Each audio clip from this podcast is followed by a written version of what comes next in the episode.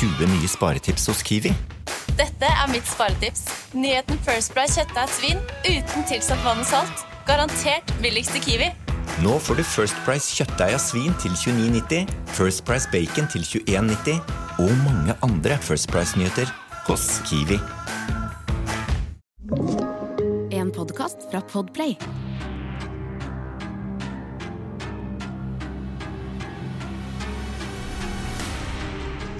Hei og velkommen til Forsvinningsfredag podkast. Denne episoden kan være veldig skremmende for enkelte lyttere, så dersom du er yngre eller sensitiv, så vil jeg anbefale deg å lytte til episoden med en voksen du stoler på, eller skru av. Denne ukens episode omhandler en norsk forsvinningssak som til dags dato står uløst. Dette er en sak med mange løse tråder, få spor og en åtteåring som siste person til å se offeret i live. Ryktene skal ha det til at det ligger noe kriminelt bak denne saken, men hva var det egentlig som skjedde med tre år gamle Bjørnar Torvik? I slutten av mai 1991 var tre år gamle Bjørnar på besøk hos besteforeldrene sine i Øksendal kommune på Nordmøre. Jeg har forsøkt å finne mer informasjon på Bjørnar når det kommer til fødselsdato, familietre og sånne ting, men dessverre så er det veldig lite å finne av akkurat det, annet enn at han er født i 1987 Foreldrene hans heter Magni og Anders Torvik, og at han egentlig var fra nabokommunen til Øksendal, nemlig Nesset. 30. mai 1991 er uansett dagen ting skal skje, og det er rett og slett bare der vi er nødt til å starte, siden det ikke er så mye informasjon å finne der ute før det. Bjørnar Torvik forsvinner i tidsrommet mellom klokka halv to og kvart på to på formiddagen. Den siste sikre observasjonen vi har av han, er da han er på idrettsplassen tilhørende et klubbhus sammen med en åtte år gammel nabogutt hos besteforeldrene. La meg gi deg en tidslinje over hva vi vet om saken.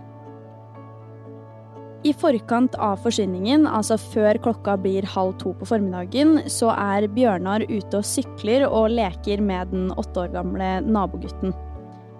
Ikke så altfor mye seinere drar åtteåringen for å spise middag, og i løpet av noen korte minutter forsvinner Bjørnar i det nevnte tidsrommet. Det tar rundt 15-20 minutter før bestemoren finner ut at Bjørnar har forsvunnet, og da ender hun opp med å møte åtteåringen nede på idrettsplassen. Han viser da bestemoren hvor trehjulssykkelen til Bjørnar står, og den sto da rett rundt hjørnet på klubbhuset. Og det klubbhuset her ligger ca. 50 meter unna elva Usma. Fra det punktet i elva som er på linje med klubbhuset, så er det ca. 300 meter ned til der elva renner ut i fjorden. De sier også at elva var flomstor den dagen her, som vil si at vannet var veldig høyt er det da en mulighet for at Bjørnar kanskje kan ha falt i elva og deretter drukna? Bestemoren finner jo ut at han har forsvunnet relativt raskt etter at det har skjedd, så han burde jo ikke egentlig være så vanskelig å finne. Men uansett hvor hun ser, enten det er nede ved klubbhuset eller nede ved elva, så finner hun han ingen steder. Han var jo bare tre år, så min umiddelbare tanke er at han absolutt ikke burde vært alene på noe tidspunkt uansett. Men så er det også viktig å huske på at det her er en veldig, veldig gammel sak. Så samfunnet på den tida her var veldig annerledes, og i tillegg til det så hadde de jo ikke like mye erfaring med forsvinningssaker som hva vi har i dag. Så det kan jo være en avgjørende faktor i den avgjørelsen der.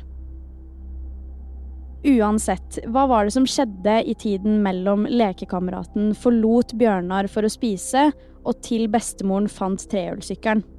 Var det ingen som så verken han eller noen som kunne ha vært i nærheten av han i det her tidsrommet? Det går mellom 20 minutter og en halvtime før det blir satt i gang en stor leteaksjon, og politiet er på stedet kort tid etter. I løpet av ettermiddagen kvelden så blir det også kobla på kvalifiserte søkshunder for å prøve å finne treåringen. Hundene fulgte da spor fra trehjulssykkelen og også fra Bjørnars klær, og det ledet faktisk politiet ned til elvebredden. Dette gjør at politiet nå er nødt til å koble på både dykkere og også en miniubåt for å søke i elva og også i utløpet til fjorden. Alt dette uten hell. I 2020 tok Åsted Norge opp denne saken, hvor Asbjørn undersøker saken selv, og da tar han også en prat med faren til Bjørnar. Han forteller at han anså det som tre mulige alternativer på hva som kunne ha skjedd. Det første var at han kunne ha gått opp i skogen, kanskje gått seg vill eller lignende. Eller så har han gått i elva. Eller så har han blitt kidnappa, og det her var de tingene han anså som de mest sannsynlige alternativene på saken. Politiet konkluderte vel egentlig med at Bjørnar hadde oppholdt seg nede ved elva, og antok derfor at han hadde falt i elva og deretter drukna. Etter en og en halv dag med hjelp fra frivillige til å søke i området langs elvebredden og fjordkanten, ble søket avslutta, men ifølge en politirapport så skulle søket fortsette privat. Riksadvokaten ønska ikke å gjenoppta saken, med mindre det kom inn nye, konkrete spor som kunne lede politiet i en annen retning. Vi skal tilbake til 90-tallet, da politiet fikk inn et spor fra en ni år gammel jente.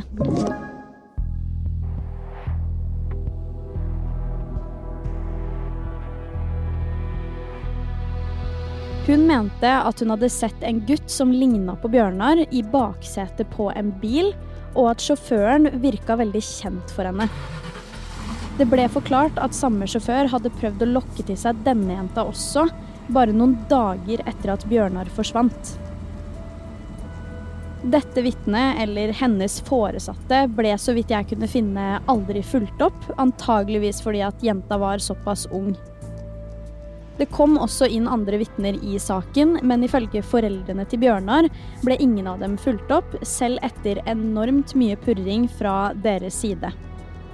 De sier også at de måtte kjempe seg til å i det hele tatt få et avhør av disse vitnene, som ble oppdaget allerede i august 1991, bare to-tre måneder etter forsvinningen. Saken ble videre henlagt senere det samme året på bakgrunn av politiets teori om at Bjørnar hadde drukna i elva og dermed ikke var utsatt for noe kriminelt. Etter 31. mai og frem til september ble det ikke utført noe som helst politiarbeid i denne saken. Som jeg så vidt nevnte, så hadde foreldrene litt problemer med politiet, og det stoppa ikke bare med at de selv måtte kjempe seg til å få vitnene avhørt. Familien var veldig skuffa over politiet da de ikke engang fullførte en spørrerunde i nabolaget for å finne ut om det fantes noen skikkelige vitner som kunne ha sett noe. De sier at dette føltes som et veldig stort svik, og at de følte seg tilsidesatt av politiets håndtering i saken. Foreldrene forteller at de selv måtte kontakte en hjelpekorpsmann for å sette i gang letingen etter at politiet avslutta søket i overkant av et døgn etter forsvinningen. Hjelpekorpsmannen tok seg faktisk fri i 14 dager for å hjelpe foreldrene, men som du sikkert skjønner, så førte heller ikke dette til noe fremgang i saken. Foreldrene selv var overbevist innledningsvis om at sønnen deres ble kidnappa, da det virka helt usannsynlig at en treåring skulle forsvinne av seg selv i løpet av de 20 sekundene han var uten tilsyn. Samtidig mener de at politiet la til side alt som ikke støtta teorien deres om at han drukna, til tross for både bevis og troverdige vitner, f.eks. niåringen. Som jeg nevnte, så har faren til Bjørnar i 2020 uttalt disse tre mulighetene for hva som kan ha skjedd, så det er ikke sikkert at de er like overbevist i dag om at han ble kidnappa. Det har de ikke sagt noen ting om, etter hva jeg kunne finne. Flere vitner mener faktisk at de så Bjørnar gå av en buss ved Vøringsfossen rundt eh, klokka kvart over ni på kvelden den dagen han forsvant. Men det er ikke en observasjon man kan si 100 sikkert at faktisk skjedde eller stemmer, ettersom det aldri ble videre etterforska. I 1998 kom Hans Hansen frem med en ny vitneforklaring. Han forklarer at han var på vei hjem fra jobb og var på tidspunktet en drøy mil unna Øksendal da han plutselig oppdaga en hvit Mercedes, antagelig DC-registrert. Han forklarer videre at det er to menn, eller eventuelt en mann og en kvinne, i bilen, med en gutt i baksetet som gråt og var fortvila. Hans forteller at gutten prøvde å reise seg opp i baksetet, men ble dytta ned igjen av mannen i førersetet. Til Dagbladet sa Hans at han reagerte veldig på observasjonen, men at han ikke meldte ifra til politiet fordi han var sikker på at Bjørnar hadde drukna, på bakgrunn av hvordan politiet hadde håndtert saken. Burde han ikke egentlig ha sagt ifra likevel? I 2003 kom det plutselig inn en tilståelse fra en sunnmøring som påsto at han hadde drept den lille gutten. Han sa også at han visste hvor klærne til Bjørnar var, og påsto at han hadde gravd dem ned et sted. Politiet trodde ikke litt på forklaringen hans engang, men noterte seg naturligvis både navn og alibi, eller forklaring, da. Etter hvert så trakk sunnmøringen tilståelsen sin, og saken ble ikke videre etterforska. Falske tilståelser er jo på ingen måte unormalt, verken i Norge eller internasjonalt, i både forsvinnings- og drapssaker, men jeg syns fremdeles det er helt sinnssykt at noen utsetter seg selv for å muligens bli satt i fengsel i potensielt veldig mange år for noe de ikke engang har gjort, og det er de veldig klar over også. I 2006 fikk vi på nytt møte den falske tilståelsen. Etter pålegg fra statsadvokat Jan Hoel ble politiet nødt til å gjenoppta Bjørnar-saken, og da begynte de umiddelbart å etterforske de stedene som sunnmøringen hadde forklart at klærne til Bjørnar Torvik lå. Jeg har prøvd å finne noe informasjon om hvordan etterforskninga gikk, og om de kom noe videre i saken og sånt, men det er ingenting som tyder på at de har det, i og med at Bjørnar fremdeles ikke er funnet. I 2020 tok som nevnt eh, Åsted Norge opp Bjørnar-saken i programmet sitt, og prata da faktisk også med denne åtteåringen. Vi kaller han da åtteåringen selv om han eh, nå er voksen, rett og slett fordi identiteten hans er holdt anonym både på nett og i media. Her fortelles det uansett om de ryktene som har gått i etterkant av forsvinningen, hovedsakelig om da at denne åtte år gamle gutten har dytta Bjørnar ut i elva. Visstnok har det gått rykter i alle disse 31 årene om at åtteåringen visste mer om saken enn hva han fortalte politiet tilbake i etterforskningsperioden, men også i tiden etter. Denne åtteåringen som nå er voksen, forteller jo da at han absolutt ikke vet noe mer, og heller aldri dytta Bjørnar i elva, han sier til og med at de ikke engang var i nærheten av elva da de sykla. Jeg vil absolutt anbefale deg å se hele episoden fra Åsted Norge, for den er veldig, veldig interessant. Og link til akkurat den episoden vil du finne på Instagram-kontoen min, nemlig Forsvinningsfredag. Som alltid er jeg veldig interessert i å høre tankene dine rundt denne saken, og hva som kan ha skjedd med tre år gamle Bjørnar Torvik. Men i tillegg til det så har jeg også lyst til å høre med deg om du har noen saker du vil at jeg skal ta for meg videre i podden. I så fall, så igjen, send det inn til meg på Instagram. Du har hørt Forsyningsfredag podkast med meg, Sara Høydahl. Og dersom du vil høre om flere forsynings- og drapssaker, så kan du gjerne sjekke meg ut på YouTube også, der jeg heter Sara Høydahl. Utenom det så kommer det også en helt ny Forsyningsfredag podkast-episode allerede neste fredag. Og i mellomtiden, ta vare på deg selv.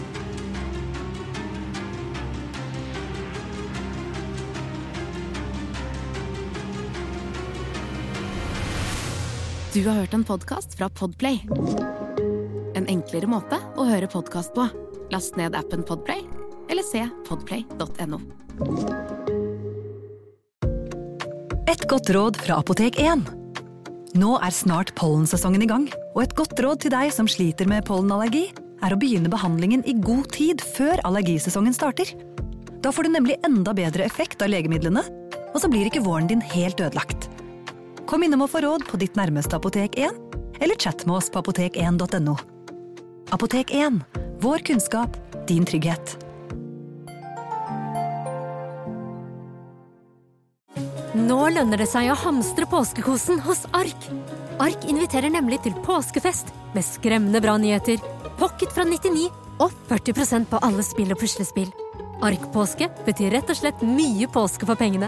Så fyll opp med påskens favoritter i nærmeste Ark-butikk eller på ark.no.